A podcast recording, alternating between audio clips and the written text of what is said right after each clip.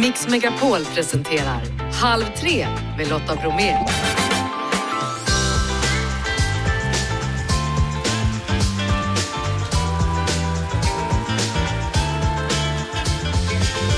Hallå där och varmt välkommen in i Halv tre-studion i dagens mix. Dags att träna kanske? Mårten Nylén har tipsen. Tommy Myllymäki, ny jurymedlem i Mästerkocksköket. Och Centern, de har en ny partiledare på gång.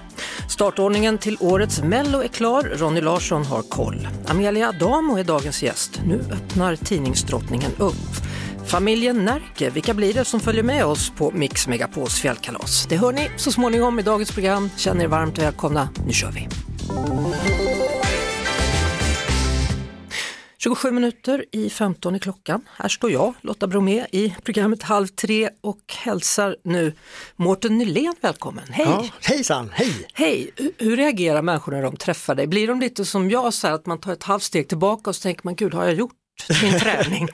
Ja, jag tror snarare folk gömmer bakelser, tar undan ölglasen, det finns massor av olika reaktioner. Ja, och det roliga var att vi träffades här utanför studion då, jag var ute och hälsade på dig och då är det någon som har ställt upp massa godis där och, och ostbågar och grejer och jag bara, är det du? För det var extra mycket protein och det var extra mycket av allt. Ja, det var inte jag. Nej. Men det kommer väl mycket sånt hit kan jag tänka mig. Ja, och, och då säger du, nej det är bättre, man äter riktigt godis än sån här skit. Ja, Eller jag, skit, jag skulle vilja säga så här, gillar man godis så ät godis men med måtta. Gillar man eh, det andra så äter man det med måtta. Så att det handlar om att skapa balans. Eh, David J.P. Phillips var här i förrgår då, han är ju en, en slags coach kan man säga och eh, istället för att göra nyårslöften så sa han tänk på ett ord och så frågade han mig, vad är ditt ord? Mitt ord för det här året är hälsa. Ja, vad bra. Ja. Och nu är du här. Mm. Ja, jag gillar JP Phillips också. Och, och jag, det finns ju massor av bra tips man skulle kunna slänga iväg. Jag vet inte hur många du vill ha. Ja, vi kan väl börja med ett. vi börjar med, om vi börjar nu med det här med nytt år, ny, ny förändring, vi kan liksom förbättra saker. Jag gillar ordet förbättringar. Det är så många som sätter upp slutmål och man ska liksom ta sig hela vägen och man ska ta sig väldigt långt. Förbättringar kan vi göra varje dag. Och det är någonting som man, tar vi pratar om hälsa till exempel som var ditt ord. Förbättringar med sin hälsa kan man göra varje dag. Och det är det här, slutmål igen, det är oftast långt bort, det är lätt att man tappar motivationen på vägen. Pratar man om livet så blir det jättetråkigt med slutmål. Men just det här med att jobba mer med förbättringar. Titta på sig själv, starta från där man står just nu med förutsättningar man har och så bestämmer man vad vill man göra för förbättring idag eller just nu. Sen finns det en grej till, förlåt nu snackar jag på här för jag ger er en grej direkt till. Ja, det. Och det är också att sätta upp målsättningar. Sätter vi upp en målsättning, då, då behöver den alltid vara två saker, realistisk och utförbar såklart. Men just målsättningar är bra att ha för att då vet man vad man ska. Och när man har satt upp målsättningen, då kan man börja och göra en förbättring. Mm. Och Då kan man börja gå längs med kartan då för att komma fram till slutmålet. Exakt. Och, de, Ja. ja, och de här små förbättringarna, eller delmål man också kan kalla för, det blir ju också små avstämningar. Små vinster, avstämningar, vägskyltar, kalla dem vad man vill. Klockrent. Vi kan ju säga så här att det, det finns ju alltid på hela graden då, alltså en, en total nybörjare och så finns det de som har tränat kanske i höstas och sen så försvann det på något konstigt sätt under jul och nyår. men, men nu vill man sätta igång. Är det olika eh, förslag på hur du kommer igång till nybörjaren och, jämfört med den som har tränat mycket förut? Båda två behöver ju ta ett steg framåt oavsett var man står eller vad man har med sig i bagaget. Men det kan ju vara bra, många startar nya åren med att köra, försöka göra allt. Och man ska göra allt så bra man kan och man ska liksom hinna med allting. Och det, det är oftast det som många faller på, att man försöker göra lite för mycket. Så det blir inte hållbart i längden. För livet har ju, kommer ju med saker man behöver göra också varje dag. Gå till jobbet kanske eller gå ut med hunden och hinna äta och sådana saker. Så jag tror mycket, det handlar mest om det som att starta och utgå från där man står just nu. Så är det ett nytt år eller en ny dag så tittar man på hur är förutsättningarna just nu. Alltså, hur ska man tänka då? Är det viktigt att tänka liksom mångsidigt, styrka, smidighet, kondition? Jag skulle alltid börja med vad behöver man? Behovet, bra ord. Att börja med behovet. Och det är ju lite grann igen, vi kan koppla ihop det med målsättningarna. Om jag till exempel vill ha bättre kondition för att jag känner att när jag går i trappan här så är det jättejobbigt. Eller jag kanske känner att jag har ont i ett knä och behöver liksom stärka upp muskulaturen. Att man börjar med behov är en bra grej istället, för då får man ju oftast en effekt eller en vinst som blir mer värd. Så att just det här med att titta på det som vad behöver jag? Oavsett om man pratar om träning, man pratar om kost, man pratar om mentalt tänk så behov är ett bra ord också. Eh, vi slog lite på här innan vad som är mest googlat gällande just träning då och då kommer de här orden matlåda, mjölksyra, och träning ger färdighet upp. Oj då, ja det, det var ju spännande. Matlåda och träning ger färdighet. Ja, hur mycket hänger mat och träning ihop? Alltså det hänger ju ihop väldigt mycket beroende på, igen så tycker jag alltid man ska börja titta på vad är syftet, vad är varför, vad vill man uppnå för resultat. Sen behöver man gå tillbaka till det här med utgångsläge och för, eh, förutsättningar och sånt. Men maten är otroligt viktigt. Jag menar, det är ju vårt bränsle, liksom. och pratar vi om kroppen så kommer vi även prata om knoppen, det vill säga hjärnan, hur vi tänker. Och jag är en sån här person som äter jag inte så kommer alla märka det. För att jag blir väldigt tyst och så kan jag bli lite småirriterad. Eh, mycket irriterad tror jag mina kompisar skulle säga. Men, men det, jag tror att många är lite likadana där. Men maten är väldigt viktig för att vi ska liksom kunna uppnå ett resultat oavsett om det är bygga muskler, mm. bli piggare, gå ner i vikt, det kan vara alla möjliga saker. Men, men är det lika viktigt att äta före som efter eller? Jag skulle säga att det är viktigt att äta regelbundet eller att äta lite varje dag. Grattis Lotta! ja, det är den du missat på eller? ja. ja. Nej men just det här med, liksom, det är ju igen vårt bränsle och vi kan ju prata om blodsocker till exempel. Där man, eh, du kommer märka om ditt blodsocker blir lågt oftast.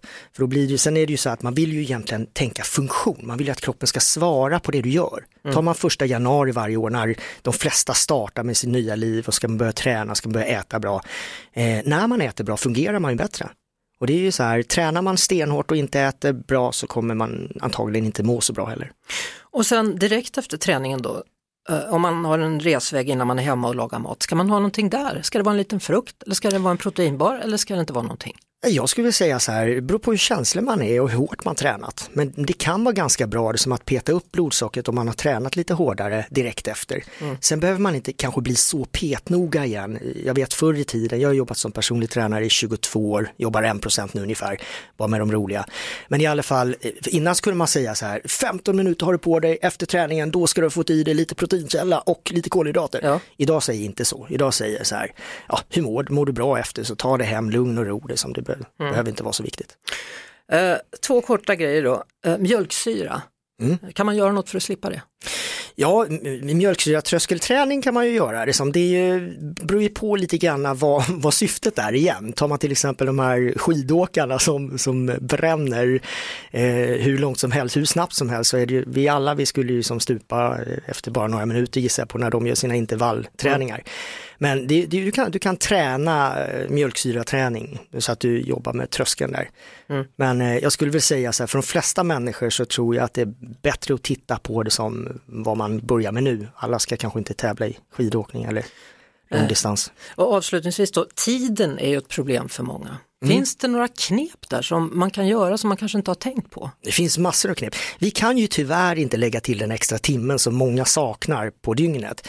Men vi kan prioritera och planera lite bättre ibland. Och där är det också hur vi prioriterar, för oss människor tror jag att vi ibland behöver tänka omvänt. Att det handlar inte om att prioritera in mer saker, utan att prioritera bort saker. För att alla saker behöver vi kanske inte göra just idag. Mm eh, fortsätt hämta unga från skola och dagis och så här och gå till jobb och så, det kan vara bra tips till folk. Men, men just det här med att prioritera och planera bättre brukar vara bra. Mitt ord för i år är hälsa. Jag läste precis här själv då, träning ger färdighet. Eh, det kanske är du som får ta hand om det här och vi får se vad som händer framöver. Jag hoppas att jag är en av de roliga som du kallar det för. Eh, Mårten Nylén, hälso och träningsexpert, stort tack för att du kom och delade med dig.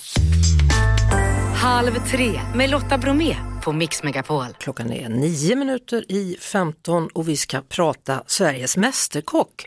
Jag vet inte vad ni tycker men jag tycker det är otroligt kul att se hur duktiga dessa människor är och det är också kul att se att man faktiskt i alla fall inte alltid är totalt okunnig. Eh, Ja, även om jag aldrig skulle klara mig vidare. I vilket fall som helst, nu är det premiär för eh, Sveriges Mästerkock, säsongspremiär imorgon och Tommy Myllymäki är ny jurymedlem. Stort grattis! Tack så mycket. Tack. För, för visst är det ett grattis man ska ge om man blir jurymedlem där, eller vad tycker du? ja, ja, men det kan man väl säga. Absolut. Ja, men så här i efterhand kan jag säga att ja, absolut. Mm. Du axlar då alltså Marcus Aujalays eh, roll då. Hur många av de här tidigare tolv säsongerna har du sett? Ja, men jag har sett några till och från. Liksom. Det, det beror lite grann på hur, hur tvn har hamnat hemma i hemmet, vem som får mandat att titta. Men, men eh, ja, det har varit lite till och från faktiskt. Mm. Mm. Eh, Marcus han har ju varit den där lite luriga domaren då som ibland bara tittar tyst på någon och sen så vet man inte, tyckte han det var bra eller dåligt? Hur är din stil som domare? Nej, Nej men jag, jag gillar ju den mesta maten om den är vällagad. Så det, det, det har väl... Eh, jag försöker ha, liksom att man ger lite feedback och sådär. Mm. Eh, så att när man äter någonting att den, den deltagaren liksom får någonting att ta vidare eller varför man tycker någonting inte är bra och så vidare. Liksom. Så att, mm. ja. Mm. Eh, hur bedömer man egentligen en rätt som innehåller kanske smak då, som man inte själv gillar? Vi säger till exempel koriander. Ja, ja men där måste man, jag har ju eh, då tur i att jag gillar ju de mesta smakerna. Så det, det, funkar väldigt bra för mig. Så jag kan liksom inte riktigt eh, härleda till det. Det, det är några grejer. Ravioli på konservburk gillar jag inte och så vidare. Men det har jag inte, har jag inte behövt äta den här gången. Mm. Så att, eh, det har funkat rätt bra. Men man måste väl ändå vara professionell i det här. Att, ja, jag gillar den här grejen, men det här är väldigt vällagat och det smakar bra i stort. Liksom, om det skulle vara någonting som man inte gillar. Mm. Faktiskt. Ja. Det är Mischa Billing och Tom Sjöstedt då, som ja. är de övriga i juryn här. Kände du dem sedan tidigare eller? Ja, men, ja, absolut. Jag har ju träffat dem, men jag kände inte Mischa kände inte eh, så, utan jag har bara hört henne träffa henne som gäst på restaurangen och kanske på något event. Men eh, Tom har jag ju träffat i flera, vi har ju till och med tävlat mot varandra en gång i tiden. Så att vi, ja, vi, vi känner varandra lite grann, mm. absolut. Du, jag vet att du just nu befinner dig mitt i en Bocuse-avsmakning. Kan du berätta, ja. vad är det för något?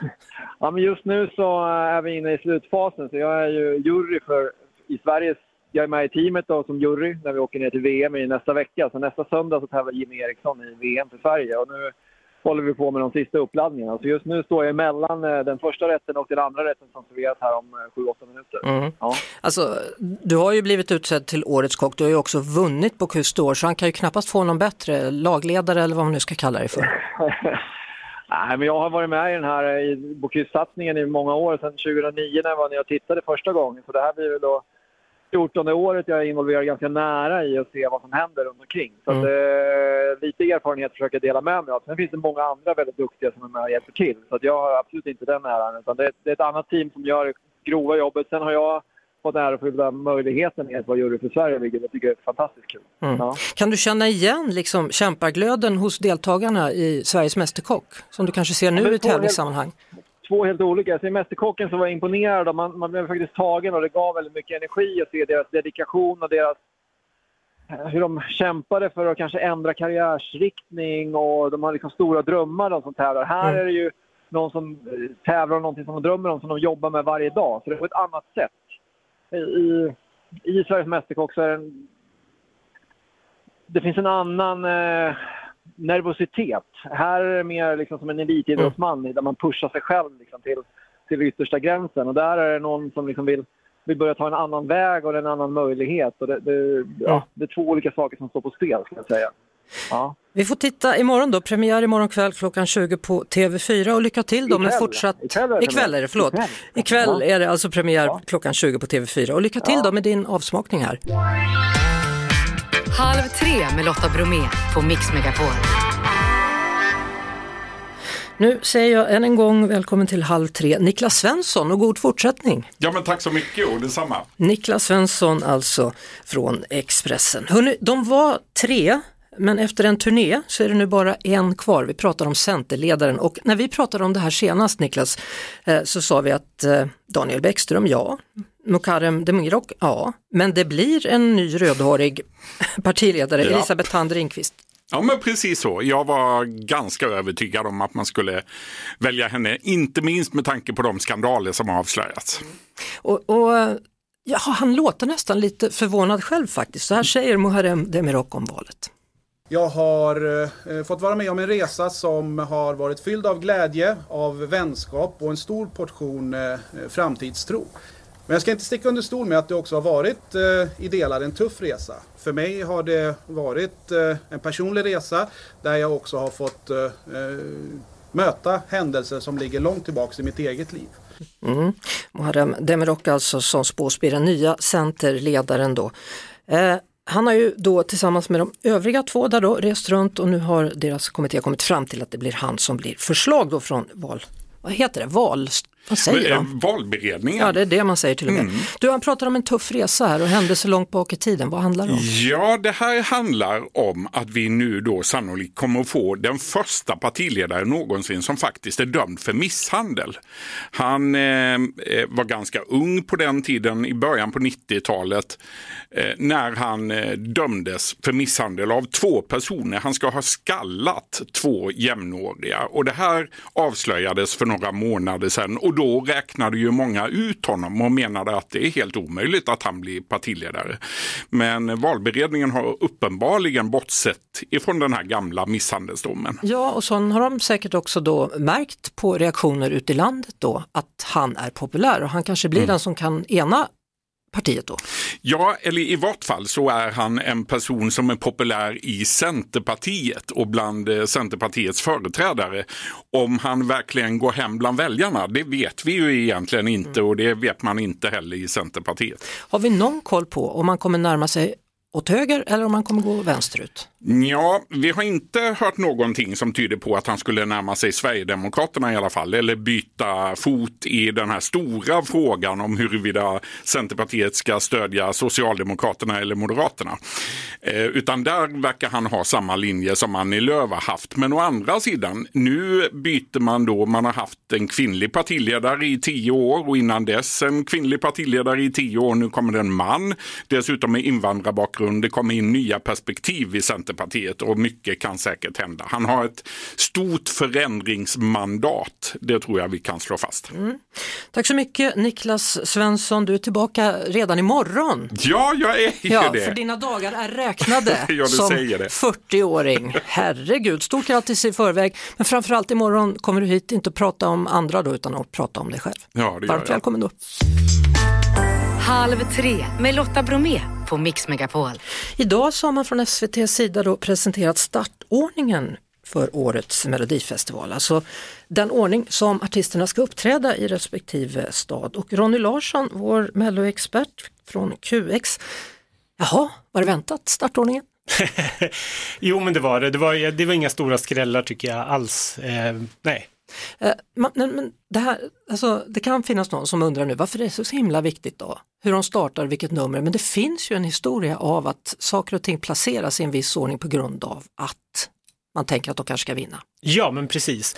Alltså, tittar man på hur statistiken har sett ut eh, sedan starten med de här deltävlingarna 2002 så finns det ju vissa startnummer som har en, liksom, vad ska man säga, en svart cirkel runt sig, som till exempel startnummer två. Det har aldrig vunnit. En låt som har haft startnummer två i någon deltävling har aldrig vunnit Melodifestivalen. Här, då är det synd om Lollo Lamotte då, för Lollo Lamotte hon har sin låt som nummer två i Göteborg. första. Precis. Ja. Lolo Lamotte, Eden och Casanovas och Signe och Hjördis kan nog räkna bort sin seger tror jag. Men vi skulle heja på Signe och Hjördis, det var ju Gullan Bornemarks barnbarn. Jo, vi hejar på dem, men Ja. de är chanslösa. Jaha, okej, du går vidare i din siffermagi. Ehm, startnummer ett eh, ligger ju ganska bra till. 26 gånger har ett bidrag från startnummer ett gått direkt till final och eh, ett startnummer ett har vunnit tre gånger. Robin Bengtsson 2017, The Mamas 2020 och Lena Philipsson gick ut som startnummer ett 2004. Mm, och då kollar vi på dem då. Tone Sekelius har en bra chans då med andra ord. Victoria går säkert vidare. Paul Ray. Mm. Han har ju tävlat tidigare och det har funkat ganska bra. En grej också med att Tone Skelius som du nämnde då startade ju på liksom hela årets festival i den första deltävlingen på startnummer ett. Ehm, och där väljer man ofta någon som haft succé året innan.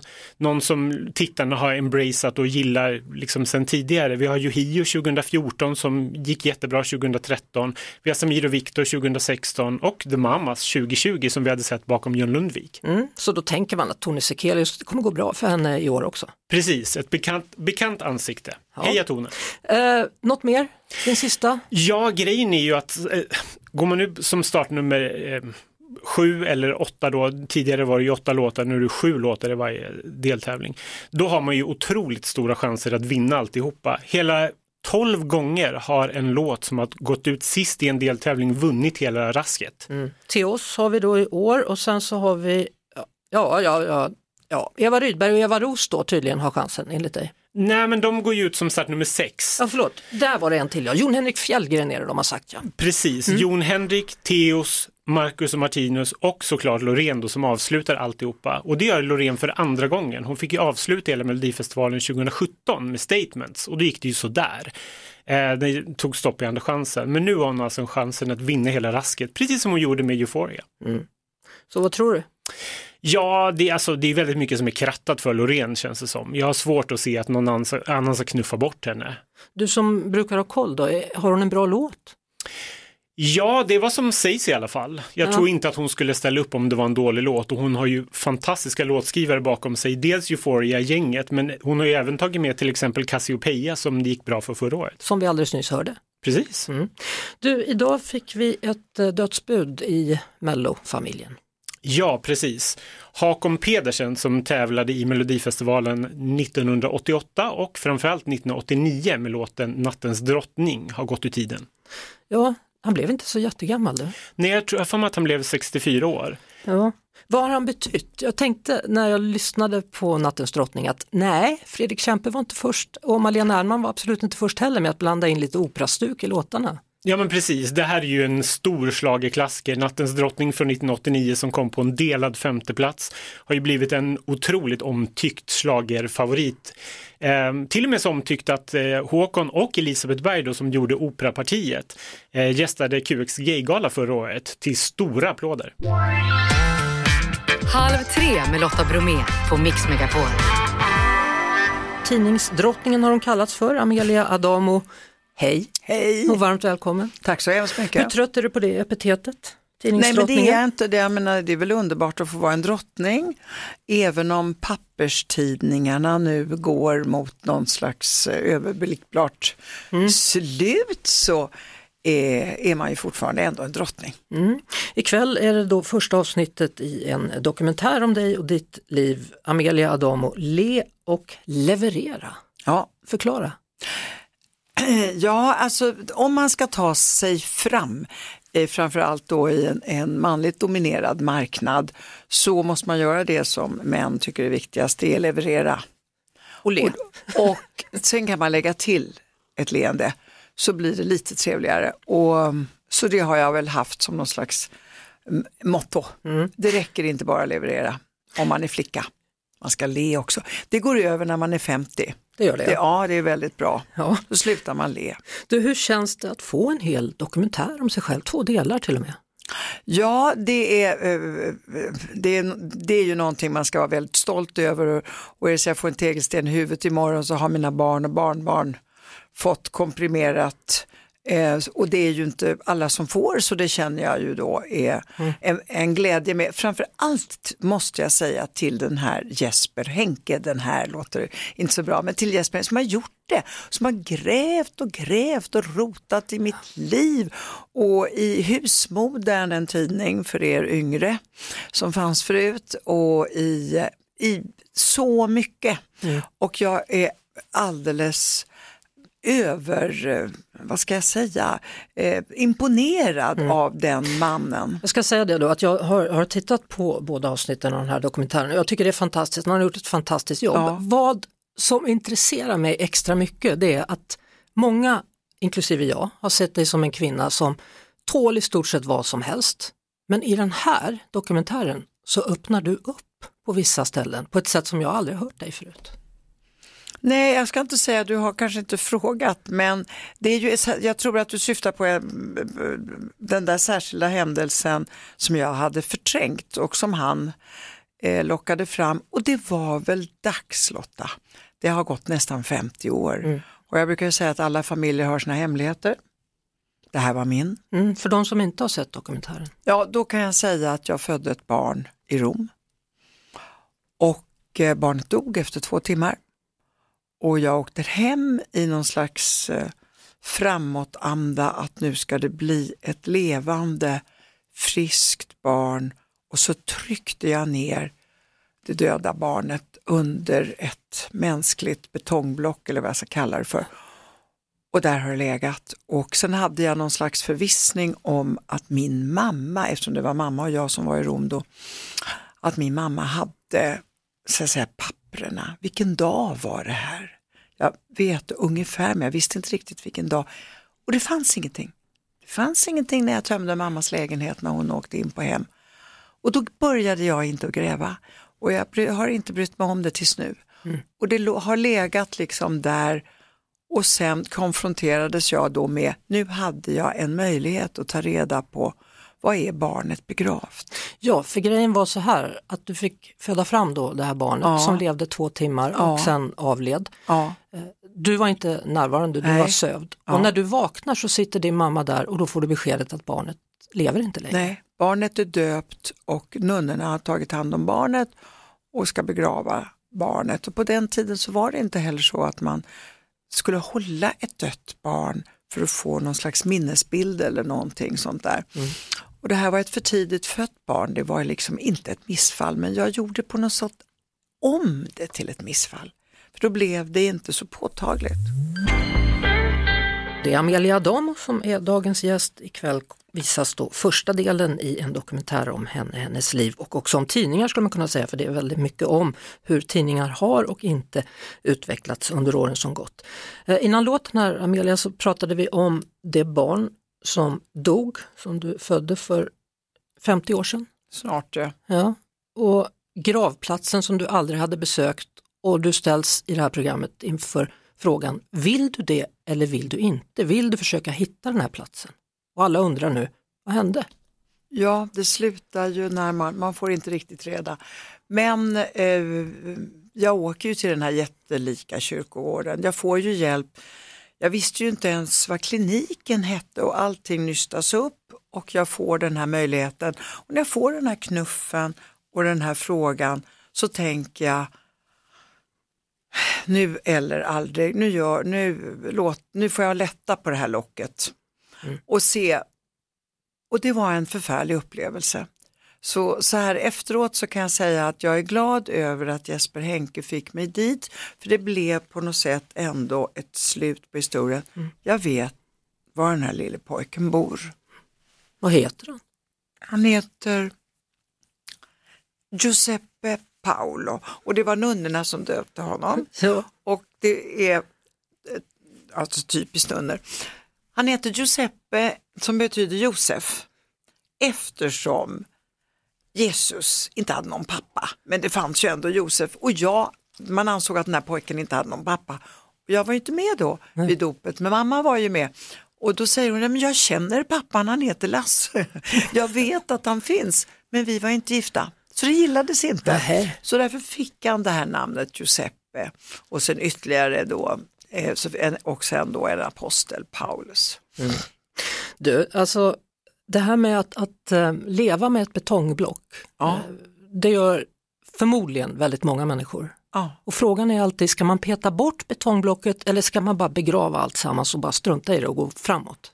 Hur har du tänkt? Ja, jag har ju tänkt att jag hade nog behållit det här betongblocket om det inte var så att plötsligt så öppnade sig en liten pytteliten glipa och då ville jag ändå lyfta bort det. Men annars så tror jag, jag är 75 år, annars så tror jag nog att var pojken finns hade jag något gått i graven med själv. Mm. Och jag är väldigt glad över att jag har en plats nu.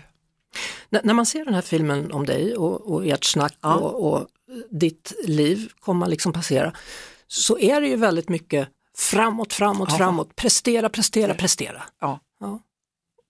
Då ja. kanske det är bra att ha ett betongblock tänker jag, eller? Jo, det är klart att det är därför man rationaliserar ju liksom, puttar undan sånt där som är besvärligt på vägen framåt och det var väl det han såg också när han skulle ta tag i någonting. Och eh, eh, och det är lite grann hur man är Lotta och jag mm. är en extremt rationell person och, eh, och det här är baksidan. Baksidan upplevas som tuff eller hård eller så och att eh, tråkiga saker lägger man ett betongblock på även om jag har lätt för att gråta. Och jag kan inte säga vad som är, är, är, bra eller dåligt. I mitt fall kan jag bara säga att idag är jag glad över det beslut jag tog i. Rom. Mm. Hörru du, eh, en annan sån där grej som du har tydligen lagt, lagt ett litet block över, det är när du kom till Sverige med din mamma och så småningom träffar hon en ny man i Sverige och då lämnas du in till den här katolska skolan. Ja, ja det la jag ett block över. Eh, ja, och därför att jag ville inte lägga någon eh, sten på mammas börda helt enkelt. Och åren gick och, och sen så småningom när jag eh, hade, vi var väldigt till åren, så tänkte jag jag ska ändå ta, fråga mamma, varför gjorde du det här? Du hade ju ändå ett val och du valde bort mig. Och hon tittade fullständigt oförstående på mig och sa, men det var ju en bra skola. Ja, men jag var ju väldigt olycklig där. Ja, men vem har inte varit olycklig, säger mamma. Jag var ju föräldralös och jag fick ju bara gå i skolan i fem år. Du har ju fått, fick ju gå jätte... Hon, och då så såg jag dels mönstret i det här hur man ändå vad man gör för val i livet och att eh, då när hon fattade det beslutet så var det fullständigt rätt för henne. Mm. Och för mig när hon berättade det. Så kunde du släppa det ja, då? Absolut. Mm. Det var en internatskola ska vi säga. Då. Ja, det var en internatskola med nunnor. Ja. Hårda nunnor. Hårda nunnor. Eh, man skulle bli gudfruktig, blev ja, du det? Ja, det var det stora. Blev du det? Nej, jag blev tvärtom. Jag blev förskräcklig, jag på säga. Nej, jag blev dess motsats. Ja, för det var lite party där och så sen, så småningom. Eller? Ja. Nej, men det var ju också det här med deras syn på eh, allting som hade med könet att göra. Mm. Eh, allt ifrån att vi eh, badade med underbyxorna på. Och det blev liksom ett sånt laddat område vilket gör att du blir kanske lite extra nyfiken och sen är du åtta år och då tar man, eh, om man är katolik, den första kommunionen. Mm. Och det är första gången man biktar sig för man ska vara helt ren för att ta emot Jesus då. Och i form av den här oblaten. Och då frågar prästen, har du varit kysk? Då är man åtta år och det är klart att då kan jag säga att eh, är man lite nyfiket lagd så undrar man ju förstås vad det är. Ja, ja och så lägger mm. man ihop två och två så blir det väldigt roligt när man är 14. så blev det. Men du, var är du nu mitt i alltihopa det här? Ja, alltså det är faktiskt en rolig utveckling. Jag kommer precis ifrån Kenya. Vi är 16 personer i min nuvarande familj och jag är där alltså i familjen, jag som har varit på arbetet i princip i hela mitt liv. Och det är där jag har fått bekräftelse, det är där det har varit roligt. Och alltså jag har ju alltid varit mamma som jag hoppas på ganska bra. Jag har varit en dålig fru brukar jag säga. Men nu har jag plötsligt upptäckt familjen. Den det kom tycker jag är roligt. Ja. ja. Mm. Bättre sent än aldrig, ja, är det verkligen. så? Ja. Mm. ja. Hur går det med kärleken förresten? Eh, det går bra, det går bra. Det är ju en italienare så att eh, man får god, god mat. Ja. ja. Och sen så eh, tränar jag då på det här språket och, så att det, det, det är jätteskönt. Han sköter hela hushållet och att få det bortskämda livet sent i mitt liv, det är helt underbart. Det är färdigstruket, det är alltså. färdigtvättat, det är färdigt väldigt mycket. Ja, vad skönt. Eh, Amelia Adamo Le och leverera heter alltså programmet. Det finns båda avsnitten på tv, eh, SVT Play och det visas också då på Sveriges Television ikväll.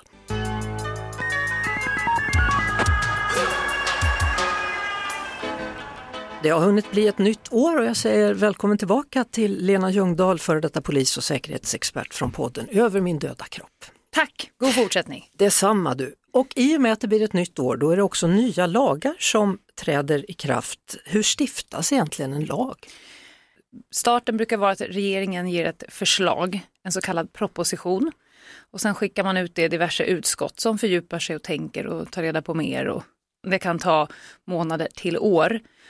Och sen så skickar de ett förslag till eh, beslut till riksdagen och sen så fattar riksdagen ett beslut om det är ja eller nej. Hur, hur ofta kommer det nya lagar egentligen? Det vanligaste är att de kommer vid årsskifte eller halvårsskifte och så mm. har skett även nu. Och då undrar man, vad var det för nya lagar som kom då årsskiftet 22-23 där vi befinner oss nu? Till exempel så har det skett en ändring i grundlagen och det är inte helt lätt för då måste riksdagen ta beslut två gånger och så måste det ha skett ett val däremellan. Så vi har fått en ändring av grundlagen att spionerilagen har blivit ett tryckfrihetsbrott. Det här är krångligt som tusan Lotta. Ja. Men det har funnits en lucka i lagen som nu har täppts till och syfte rikets säkerhet. Det har alltså blivit kriminaliserat att ägna sig åt utlandsspioneri och det har införts som ett tryck och yttrandefrihetsbrott. Alltså, man kan lätt säga att det blir straffbart att hålla på med uppgifter och lämna uppgifter som kan skada Sveriges förhållande till andra Men, och då blir jag stater. så här, men har det varit tillåtet tidigare? Nej, men det, det har funnits en lucka rent juridiskt. Det har inte varit kriminaliserat så som i brottsbalken. Det är så. Det är nu, men det har mött en hel del kritik därför att risken är att det urholkar det här meddelandeskyddet och inskränker mediefriheten. Och i det långa loppet skulle det kunna bli så att vissa journalistiska publiceringar faktiskt blir brottsliga. Så att jag tror att många journalister nu måste fundera nogsamt hur man hanterar information som är inom ramen för de här lagarna. Men eh, det är i alla fall gjort nu. Det är en av de ändringarna vi haft i år. Ja, och sen finns det en ändring vad gäller postlagen. Den kanske berör de flesta av oss. Ja, det gör det, men framförallt om man ägnar sig åt kriminella eh, saker. Det har funnits tidigare även här ett kryphål för de som har på en brottslig verksamhet. Men nu är det svårare för kriminella att hålla på och skicka illegala varor som man har kunnat göra i större utsträckning innan. Och det är också lättare för polis och tull att motverka användningen av postflödet i, säg bara narkotikahandel. Det, det skickas upp mot en miljon försändelser varje år med narkotika i. Oj, och nu pratar vi bara Sverige. Ja, in och ut ur Sverige och inom Sverige. Och som det har varit tidigare så får personalen med de olika postaktörerna inte kontakta polisen. Så att nu är det en mycket större möjlighet att både för polis och tull att begära in information men också för personalen att kontakta polisen vid misstanke. Så det räcker egentligen att man släpper in en knarkhund där så är det kört. Jag skulle säga att det blir betydligt svårare i alla fall. Sen vill jag bara säga att det kom några viktiga saker även i augusti 2022. Dels är det skärpt syn på våldtäkt och sexuella eh, kränkningar. En sån bra förändring var att i bestämmelserna om det krångliga brottet utnyttjande av barn för sexuell posering utvidgades då så det gäller även där barnet har varit helt passivt. Innan så har det behövt någon form av aktiv eh, medverkan. Så att det är sådana saker som ändras. Och som för detta polis, det här omaket med att man kan köpa anonyma oregistrerade kontantkort. Det vill säga man vet inte vem som har den här telefonen. Det är också slut på det nu. Skönt. Tack så mycket för den här gången, Lena Ljungdahl, före detta polis och säkerhetsexpert från podden Över min döda kropp. Tack. Vi hörs såklart på Mix Megapol varje eftermiddag vid halv tre. Ett poddtips från Podplay. I fallen jag aldrig glömmer djupdyker Hasse Aro i arbetet bakom några av Sveriges mest uppseendeväckande brottsutredningar. Går vi in med hemlig telefonavlyssning och, och då upplever vi att vi får en total förändring av hans beteende. Vad är det som händer nu? Vem är det som läcker? Och så säger han att jag är kriminell, jag har varit kriminell i hela mitt liv men att mörda ett barn, där går min gräns. Nya säsongen av Fallen jag aldrig glömmer på Podplay.